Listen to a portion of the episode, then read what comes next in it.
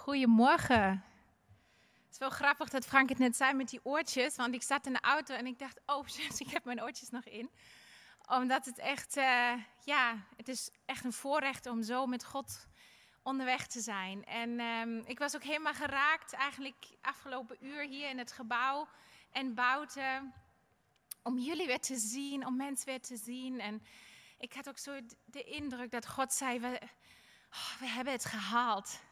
We zijn daar nog niet helemaal, maar we zijn, hij laat ons nooit los. En we hebben niet opgegeven. En ook even een applaus aan jullie en aan, aan iedereen die ook afgelopen jaar hier zo betrokken was om de livestream mogelijk te maken. Maar ook jullie als gemeente, dat jullie zo hebben volgehouden. Het was voor ons allemaal een uh, niet makkelijke jaar, of meer als een jaar, maar um, bedankt. En ik ben zo blij dat we weer meer mensen mogen zien. Dat we weer samen mogen komen in het gebouw en buiten lekker zingen.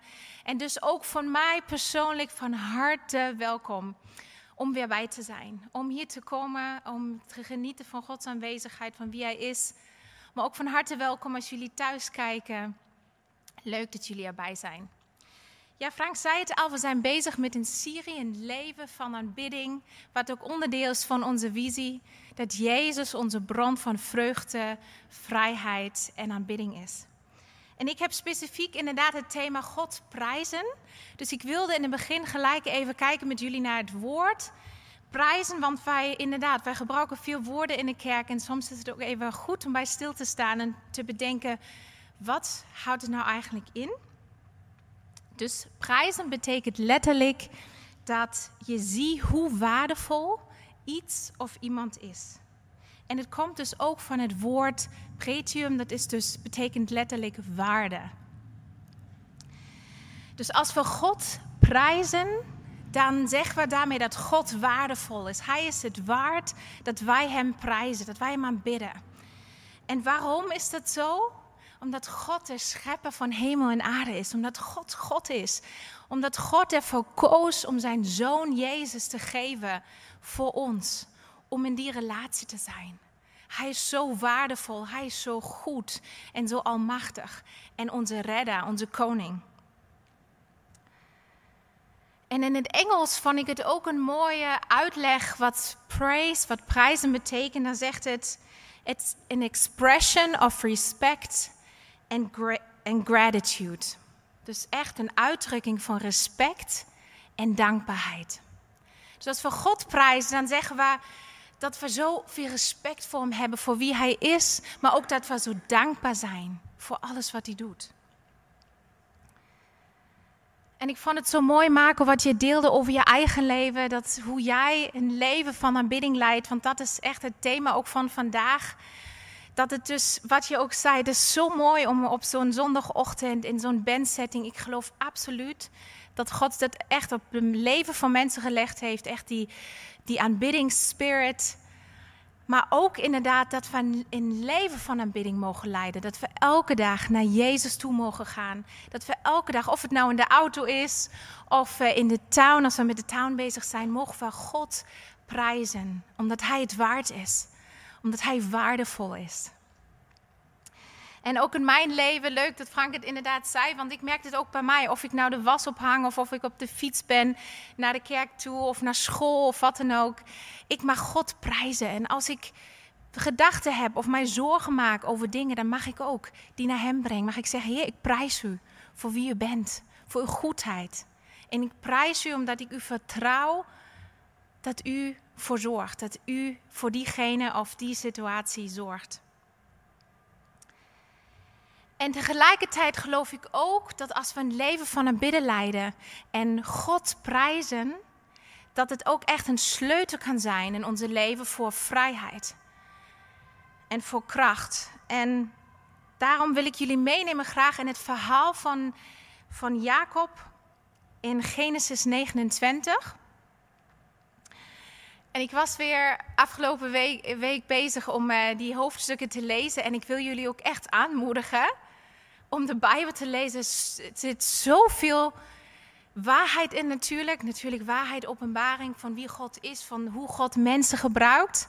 Maar ook is het gewoon super spannend en super interessant. En soms, ik was echt deze hoofdstukken aan het lezen, dacht zo dramatisch, dat kan zelfs Netflix niet bedenken. Wat er gebeurt allemaal. Dus ook voor jullie als jonge generatie, lees de Bijbel. Kijk even ook, de, ook niet alleen het Nieuwe Testament, ook het Oude Testament, wat God doet in de levens van mensen. En ook hier weer in die verhaal zien wij, God is nooit klaar. Ook als wij misschien zo ver zijn aan die punt om op te geven, God geeft nooit op. En voordat we een aantal versen in Genesis 29 lezen, wil ik even soort jullie vertellen wat er gebeurt allemaal. Dus thuis kunnen jullie ook nog een keer dat uh, in alle rust lezen. Maar het gaat hier dus om Jacob. En die is op de vlucht omdat hij zijn oudste broer Esau heeft bedrogen om de erfenis, om de zegen. Toen was de traditie dat de vader aan de oudste zoon, die gaat zegenen voordat hij gaat sterven en daarmee de erfenis geeft. En Jacob had zijn broer bedrogen, dus hij moest vluchten. Op de vlucht krijgt hij een visioen ook van God, heel bijzonder, kunnen jullie ook nalezen. En God is dus blijft aan zijn zijde. En hij gaat op weg naar zijn oom Laban. En Laban heeft twee dochters. Uh, die oudste dochter heet Lea. En daar lezen we in de Bijbel, daar staat ze, heet, ze had zwakke ogen, wat het nou ook betekent. Maar de jongere dochter, Rachel, had, was dus super knap, heel mooi. En Jacob voordat hij überhaupt naar zijn oom toe gaat, Laban, ontmoet hij al Rachel en het is liefde op het eerste gezicht. Hij gaat naar zijn oom toe, hij zegt, ik wil, ik wil je dochter hebben als vrouw, geef mij alsjeblieft uw dochter. En grappig genoeg zegt hij zelf, Jacob komt hij met het idee, als ik zeven jaar voor u ga werken, voor zijn oom, dan mag ik dan uw dochter hebben. Mag ik dan Rachel hebben. En ik dacht eerst, oké, zeven jaar is best lang. Maar in de Bijbel hebben dus ook alle getallen een betekenis. En zeven staat voor compleet. Zoals God de aarde maakte, op de zevende dag was het klaar, was het compleet, was het perfect. En ik vond het zo'n mooi beeld hoe verliefd Jacob was. Hij dacht, dat is mijn enige perfecte, complete vrouw die ik wil. Dus ik ga zeven jaar voor haar werken. Nou, zijn oom stemt erop in. Mooie aanbod natuurlijk. En dan lezen we in vers 30. Zo trouwde Jacob dus ook met uh, Rachel. Oh nee, sorry. Even terug. Nog niet. Want hij gaat dus zeven jaar werken. Hij gaat dus zeven jaar werken, inderdaad. En dan is het zover eindelijk. En wij lezen dus, wat ik wilde zeggen, wij lezen dus. Die zeven jaren voelden me als een paar dagen. Zo mooi, hè? Maar goed, het is zover ze gaan trouwen. Maar dan hebben we nog steeds zijn oom Laban. Die heeft dus een slimme, boze plan bedacht. Hij dacht, nou, ik ga gewoon uh, mijn eigen plan maken. En in de huwelijksnacht legt hij zijn jongere dochter Lea naast Jacob. En de volgende ochtend komt Jacob pas erachter. Was dus een leuke feestje geweest. En dus helemaal, oh, Jacob natuurlijk heel boos en gaat naar zijn oom toe. Je hebt mij bedrogen. Net als bij hem, hè. Komt weer terug. En zijn oom zegt, ja, maar sorry, het is traditie dat eerst de oudste dochter gaat trouwen voordat de jongere gaat trouwen.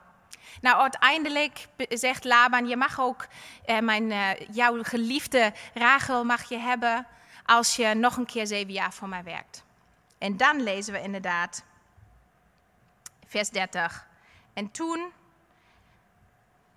zo trouwde Jacob dus ook met Rachel. En hij hield van Rachel, maar niet van Lea. En ik vond het zo'n dramatisch verhaal. Ik dacht, wat een gekke tijd toen, maar ook voor Lea, wat een afwijzing. Jouw vader uh, soort van verkoopt jou voor, voor, voor werk. En je bent met een man getrouwd die helemaal niet van je houdt, wel van je zus, zusje. Maar dan lezen we dus dat God het erg vond voor Lea. En in vers 31 staat: Toen de Heer zag dat Jacob niet van Lea hield, gaf hij haar kinderen.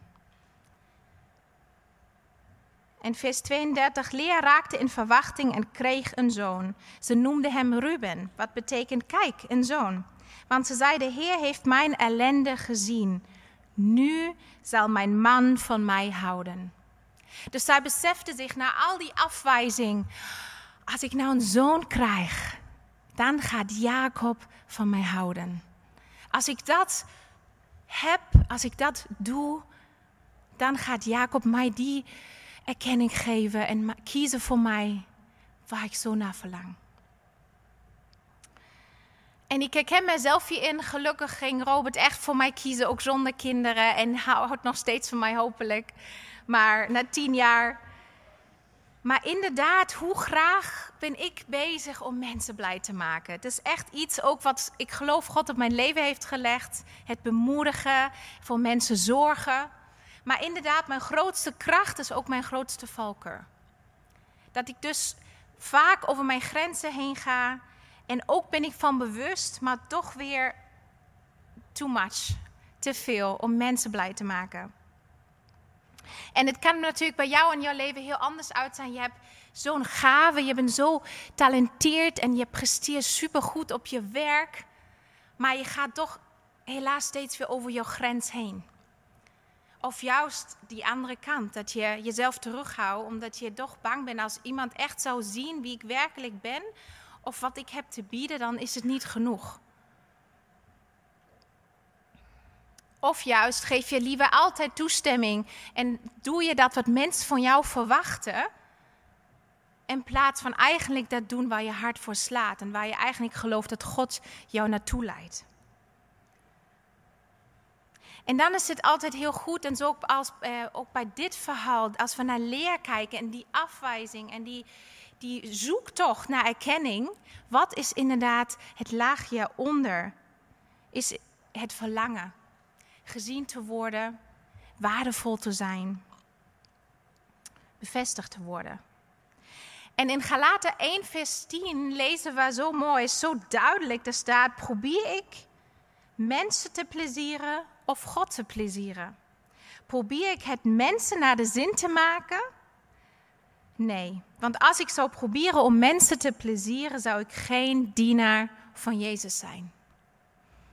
En ik vind dat zo duidelijk en het is ook altijd weer een goede vraag in mijn leven. Isabel, waarmee ben je bezig? En ik wil een dienaar van Jezus zijn. Ik wil Hem volgen. Ik wil, tuurlijk wil ik mensen behagen en dat mag ook. Wij zijn, we mogen zegen zijn voor de mensen om ons heen. Maar leven we dus een leven van aanbidding, waar we dus God prijzen, waar we God als waardevol, het waardevolste in onze leven stellen? Of zijn we alleen maar druk bezig met iedereen's verwachtingen te vervullen en mensen te behagen?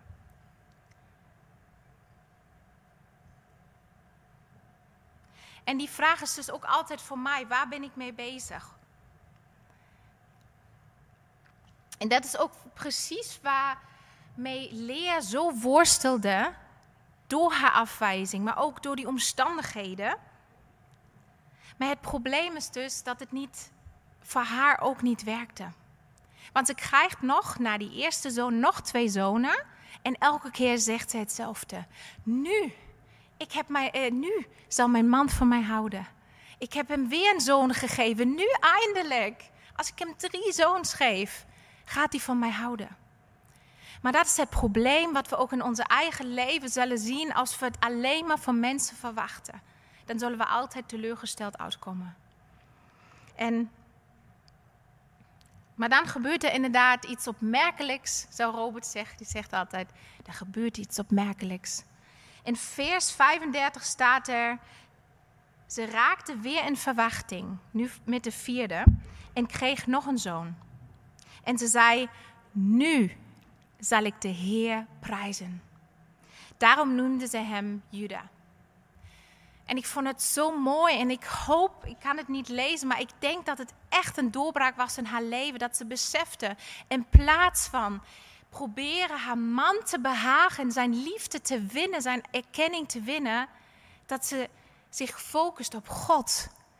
en God prijst, want Hij is het waard. Want Hij gaf haar die zonen, Hij gaf haar het leven, Hij ziet haar. En dat het echt ook voor ons een sleutel mag zijn in onze leven. Dat als wij God prijzen, omdat Hij het waard is, omdat Hij waardevol is, dan zullen wij ook in die vrijheid komen die Jezus voor ons bedoeld heeft. Want Hij is waardevoller dan alles en iedereen om ons heen.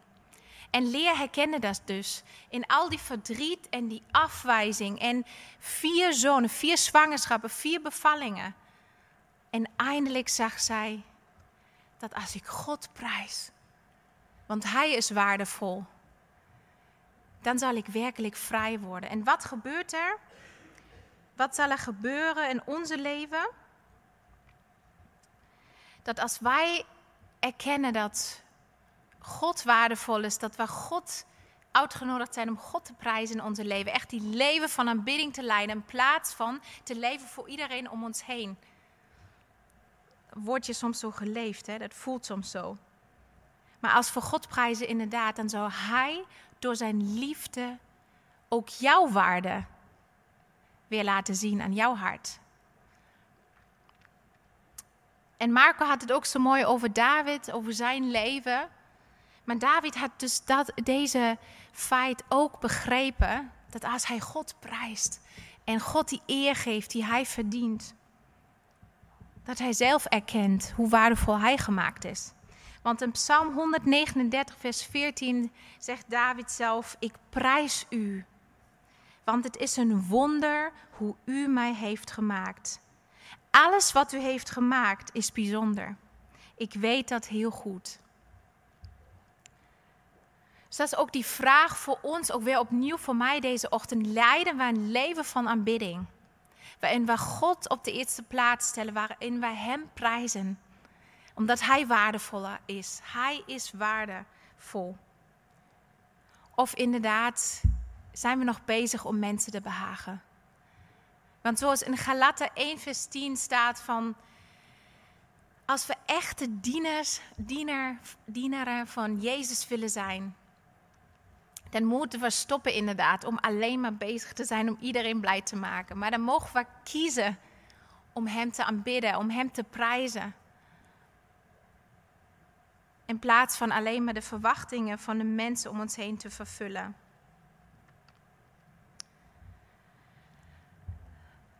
En ik vraag me inderdaad af hoe het voor jullie is als we over het woord prijzen hebben, over aanbidding of je ook die uitnodiging voelt op jouw leven, dat ook God jou uitnodigt om Hem te prijzen.